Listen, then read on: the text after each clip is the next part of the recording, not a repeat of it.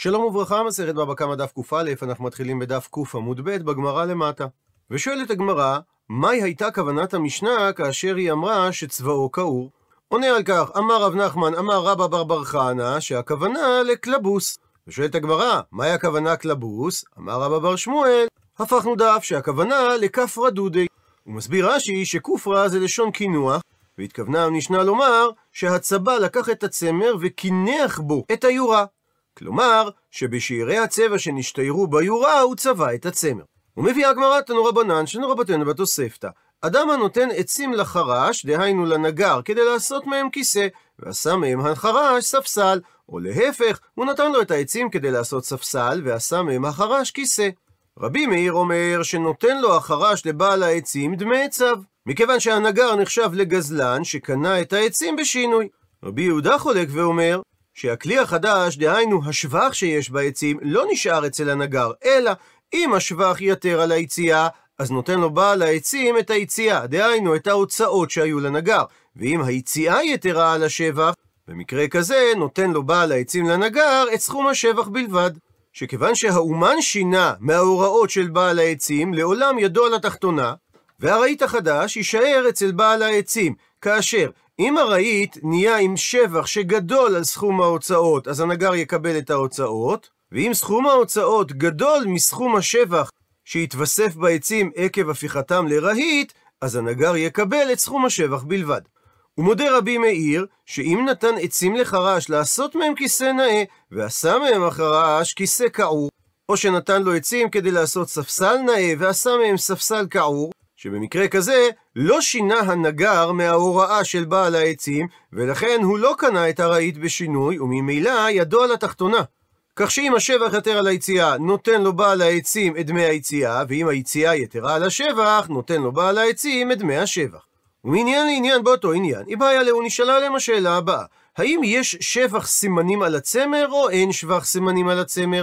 כלומר, מסביר רש"י, האם החזותא, המראה של הסימנים שנמצא על הצמר שעכשיו הוא צבוע, נחשב למילתא, לדבר בעל ממשות, או שמא זה לא נחשב למילתא, מפני שזה רק מראה. ושואלת הגמרא, איך היא דמי? באיזו מציאות מדובר שבה יש השלכה מעשית, האם יש ממשות או אין ממשות לצבע שנספג בצמר? אילם, האם תאמר שהמקרה המדובר הוא דגזל סמנים ודקינו וטרנו, והידק אותם ועל ידי כך שחק אותם, ולאחר מכן שרה אותם במים, ולבסוף וצבע בהם צמר שלו. ועל כך נשאלה השאלה, האם יש שבח סמנים על הצמר דחזולתא מילתאי, שלמראה הסממנים יש ממשות, ואומר לו הנגזל, תחזיר לי את הסימנים שלקחת ממני, והגזלן טוען שאין בזה ממשות, ולכן הוא רוצה לשלם לו על כך. אבל קשה לומר שבמציאות הזו הסתפקה הגמרא, שהרי טיפוקלה תוציא על כך תשובה פשוטה, שהם ודאי שייכים לגזלן, משום דקנינו בשינוי. שהרי הוא שחק את הסממנים ושרה אותם במים, ולכן פשוט שהוא לא יצטרך להחזיר את הסממנים עצמם, אלא רק לשלם את דמיהם. לכן אומרת הגמרא, לא צריכה, לא נצרכה השאלה, אלא במציאות, דגזל סמנים שהם כבר שרויים במים וצבע בהו. ועל כך נשאלה השאלה, מה יהיה הדין במקרה כזה? האם אנחנו אומרים שיש שבח סמנים על גבי צמר צבוע, דאמר לה נגזל הגזלן, הב לי סימני דשקליטינו. תחזיר לי את הסימנים שלקחת ממני, שהרי הם עדיין נמצאים בעולם על גבי הצמר הצבוע, או דילמה או אולי, אין שבח סמנים על גבי הצמר, כי חזות עליו מילתאי, כי מראה הסממנים על גבי הצמר הצבוע, אין בהם ממשות, דאמר לי הגזלן לנגזל, לית לך גבאי ולא מידי. אין לך אצלי ולא כלום, וממילא אני לא חייב להחזיר לך שום דבר. אבל מיד אמרי אמרו על כך את השאלה הבאה, מה זאת אומרת שהוא לא חייב להחזיר לו כלום? והיא אין שבח סמנים על גבי צמר? מי מצי אמר לי? האם יכול הגזלן לומר לנגזל, לית לך גבאי ולא מידי? שאין לך אצלי ולא כלום? נעים עלי שיאמר לו הנגזל, לא מעניין אותי איפה נמצאים הסממנים כרגע, הב לי סימני דאפסדיתינו. גם אם נאמר שחזות עליו מילתא היא, הרי אתה צריך להחזיר לי את הסממנים שהפסדת אותי. אלא מבארת הגמרא, שצריך להסביר את צדדי השאלה להאח גיסא. באופן הפוך לצד השני ממה שהסברנו קודם. שהשאלה הנשאלת, האם אנחנו אומרים שאין שבח סמנים על גבי הצמר, ולכן וביי שלו מילי, צריך הגזלן לשלם לנגזל, או דילמה, או אולי אנחנו אומרים שיש שבח סמנים על גבי צמר, ואומר לו, הגזלן לנגזל, המנחי קמח. הרי הסממנים מונחים לפניך על גבי הצמר הצבוע, לכן שקלינו. החזרתי לך אותם, אתה מוזמן לקחת אותם מעל גבי הצמר. מקשה על כך הגמרא, מה זאת אומרת? שקלינו במאי. באיזה אופן יכול הנגזל לקחת את הסמנים מעל גבי הצמר הצבוע? אם תאמר שקלי בצפון, שייקח אותם על ידי שיעביר סבון על גבי הצמר, הרי צפון עבורי מי הבא. יש בכוחו של הסבון להעביר את הצבע מהצמר, אבל השבה של הסממנים לנגזל לא אביד, את זה הוא לא עושה. אלא מגיעה הגמרא למסקנה, אחא במאי עסקינן, באיזה מציאות נשאלה השאלה? כגון דגזל צמר וסמנים דחד, ששייכים שניהם לאדם אחד, וצבעי להוא צמר באנח סמנים. והוא צבע את הצמר של הנגזל בסמנין של הנגזל, וקמא הדר לניהלי לצמר, והגזלן מחזיר לנגזל את הצמר כאשר הוא צבוע. ועל פי זה להלן צדדי השאלה, האם אנחנו אומרים שיש שבח סמנים על גבי הצמר, מה שאומר חזותא מילתאי, ולכן כאשר הגזלן נותן לו חזרה את הצמר הצבוע, וקם מהדר לי סמנים וצמר, הוא בעצם החזיר לו גם את הסמנים וגם את הצמר. או דילמה או אולי אין שבח סימנים על גבי צמר, דהיינו, חזותא לאו מילתאי, ולכן כאשר הוא נותן לו חזרה צמר צבוע, וצמר מהדר לי, הוא אמנם החזיר לו את הצמר, אבל סימנים לא מהדר לי, הוא לא החזיר לו. ולכן הוא יהיה חייב לשלם לו את דמי הסמנים. אמרי אמרו על כך את התשובה הבאה, טיפוק לי ניתן לפשוט ולענות על השאלה באופן הבא: דאייקר לי ניהלי בדמי, שהתייקר והשביח הצמר הצבוע ביותר כסף מאשר הצמר שהוא גזל שלא היה צבוע, כך שבעצם סכום הסממנים כבר מגולם בתוך השווי של הצמר הצבוע. דוחה הגמרא, לא צריכה, לא נשאלה השאלה, אלא במקרה דזל צבעה, שמחיר הצמר הצבוע בעולם הוא זל, כך שהשבח, דהיינו ההפרש בין צמר צבוע לצמר שאינו צבוע, לא מגיע לדמי הסמנים. ואומר לו הנגזל לגזלן, אני הייתי מוכר את הסמנים בפני עצמם, ומרוויח יותר, או שהייתי צובע בגד אחר, ועכשיו הפסדתני, שהיות שהצמר הצבוע בעולם מוזל, לא השביחו הסמנים בצמר.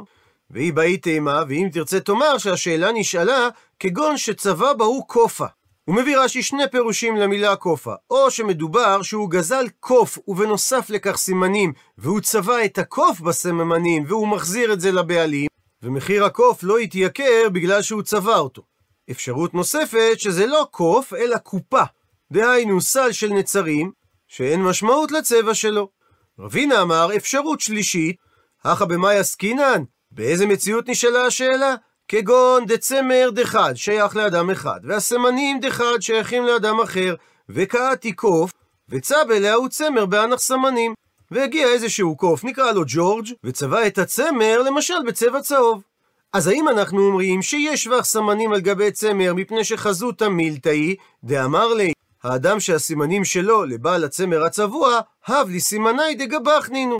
תחזיר לי את הסממנים שלי שנמצאים אצלך, או דילמה או אולי אין שבח סמנים על גבי צמר, דהיינו חזות עליו מילתאי, ואמר לבעל הצמר הצבוע, לית לך גבי כלום. אין אצלי שום דבר ששייך לך. אז לאחר שהבנו על מה נשאלה השאלה, אומרת הגמרא תשמע.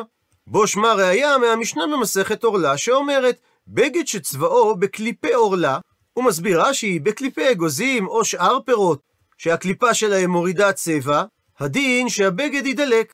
מפני שעורלה אסורה בהנאה, אבל אם הוא ישתמש בקליפת העץ, הוא לא צריך להדליק את הבגד, כי אין קדושת עורלה אלא בפירות. עד לכאן הסבר המשנה ומדייק את הגמרא. עלמא, תאמר מכאן שחזולתא מילתאי. כי אם חזות עליו מילתאי, שהצביעה לא נחשבת לדבר שיש בו ממשות, לא היה צריך לשרוף את הבגד. דוחה את ההוכחה אמר רבא, שביחס לעורלה, הנאה הנראה לעיניים אסרה תורה. אפילו מראה בעלמא, אף על פי שאין בו ממשות, כגון אור הנר וצבע. והמקור לכך דתניא, ששנינו בברייתא על הפסוק, נקרא בפנים, וכי תבואו אל הארץ, ונטעתם כל עץ מאכל, וערלתם עורלתו את פריו, שלוש שנים יהיה לכם ערלים לא יאכל. ומלשון הפסוק ערלים לא יאכל, אין לי ללמוד אלא איסור אכילה בלבד. מניין גם שלא ייהנה ממנו, ולא יצבע בו, ולא ידליק בו את הנר. תלמוד לומר, לכן אמרה התורה שלוש פעמים נוספות את השורש ערל, וערלתם עורלתו את פריו, ערלים לא יאכל, שמזה לומדים לרבות את כולם. וממשיכה הגמרא ואומרת, תשמע, בו שמע הוכחה מהברייתא הבאה. הוא מזכיר לנו רש"י ששביעית אסור לעשות סחורה בפירותיה, וקליפי פירות יש בהם קדושת שביעית, ולא בקליפי עצים, כי עצים אין קדושת שביעית חלה עליהם. ואומרת הברייתא, בגד שצבאו בקליפי שביעית, הדין שידלק הבגד. ומשמע מדברי הברייתא, שחזותא מילתאי, שבמראה הצביעה יש ממשות, ולכן יש קדושת שביעית בבגד הצבוע, ואם לדוגמה, הגיע זמן הביאור של אותו פרי, כי כבר לא ניתן למצוא אותו בשדות, אז צריך לבאר אותו גם מן הבית, ולכן צריך לשרוף את הבגד. דוחה הגמרא, שאני הטעם, שונה שם הדין ביחס לקדושת שביעית, שגם אם נאמר שחזות עליו מילתאי, דאמר קרא ביחס לשביעית, נקרא בפנים, ולבנתך ולחיה אשר בארצך, תהיה כל תבואתה לאכול. ומשמעות המילה תהיה, בהווייתה תהא. שקדושת השביעית נשארת גם לאחר הצביעה בפירות שביעית. כך שלמסקנה, הגמרא לא ענתה על השאלה. הפכנו דף, וממשיכה הגמרא לדון האם מראה נחשב לדבר שיש בו ממשות. רבה רמי. הקשה הסתירה בין שני מקורות. מצד אחד תנן, שנינו במשנה במסכת עורלה, שבגד שצבאו בקליפי עורלה יידלק. עלמא, זאת אומרת שעל פי אותו טענה, חזותא מילתאי. מראה הוא דבר שיש בו ממשות. ורמיני, אבל מצד שני, יש משנה במסכת אוהלות שאומרת, רביעי דם שנבלעה בבית, מסביר רש"י, רביעי דם מטמא באוהל, שהרי כתוב בתורה, על כל נפשות מת לא יבוא, ודם הוא הנפש. והייתה לחכמים מסורת, שרביעי דם זה כמות הדם המינימלית שאדם צריך כדי להישאר בחיים. ולכן רביעית דם של המת מטמא טומאת מת באוהל. וכמות הדם הזו נבלעה בקרקע הבית, כאשר הבית עצמו לא מקבל טומאה, שהרי הוא מחובר לקרקע, ונשאלת השאלה, מה דין הכלים שבבית? גרסה אחת במשנה אומרת הבית טמא, ולכן הכלים שבתוכו טמאים, ואמרי לה, ויש אומרים גרסה אחרת במשנה שהבית טהור.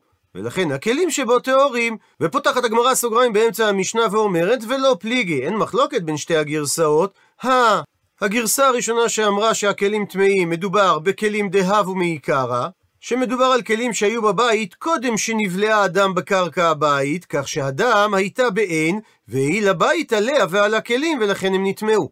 הא, והגרסה שאמרה שהכלים שבבית טהורים, מדובר בכלים דעתו לבסוף.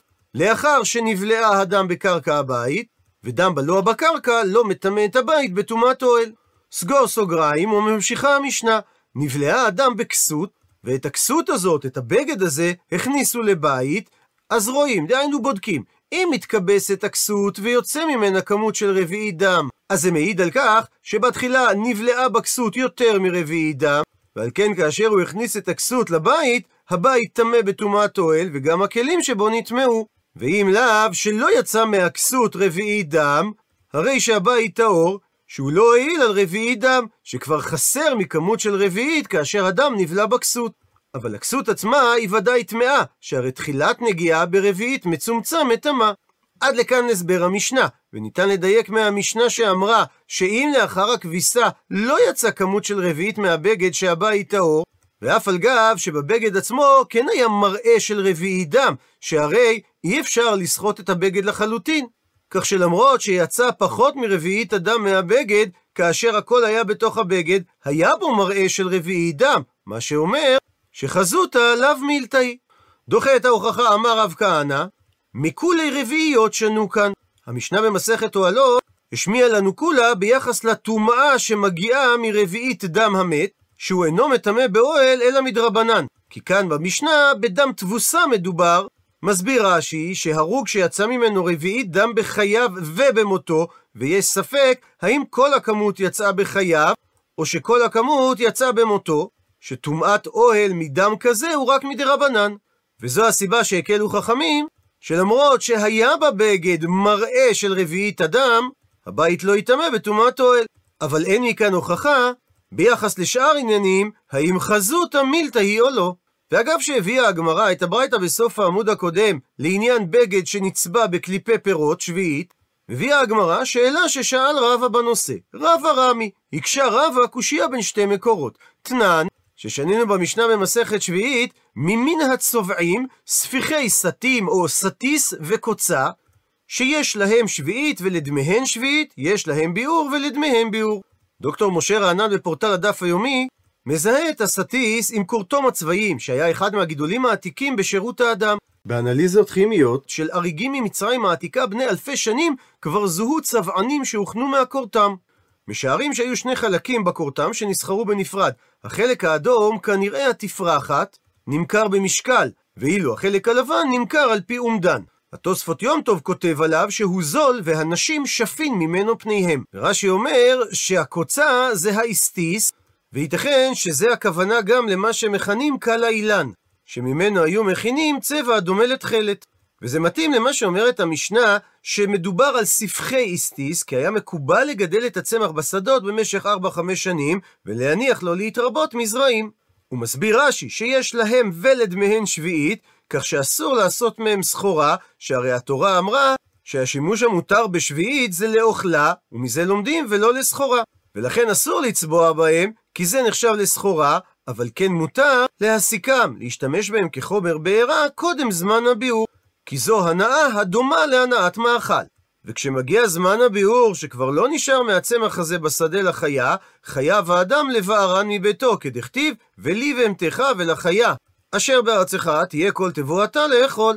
ומזה למדו שכאשר כלה לחיה מן השדה, צריך לכלות גם לבהמתך שבביתך.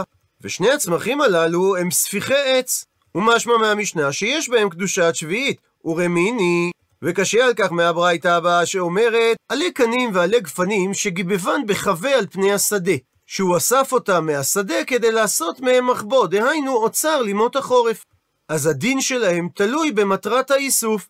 אם לקטן לאכילה, אז יש בהם משום קדושת שביעית, ואם ללקטם לעצים, דהיינו לחומר בעירה, אז אין בהם משום קדושת שביעית. ואז הוא יכול ליהנות מהם אף לאחר זמן הביאור. הרי שמהברייתא הזו משמע, שבעצים אין קדושת שביעית, וזה סותר את המשנה הקודמת שאמרה שבעצים יש קדושת שביעית. ומשני, ותראה רבה, אמר קרא, שנאמר בפסוק, נקרא בפנים, והייתה שבת הארץ לכם לאוכלה, לך ולעבדך ולאמתך ולשכירך ולתושבך הגרים עמך, ומהלשון לאוכלה לומדים, שקדושת שביעית שייכת רק במי שהנאתו וביאורו שווים, שהוא כמו אוכל, שבשעת הנאתו הוא קלה מן העולם. וממילא יצאו עצים שהנאתם אחר ביאורן, שרק לאחר ששורפים אותם הם נעשים גחלים, והגחלים הוא עיקר הנאתם.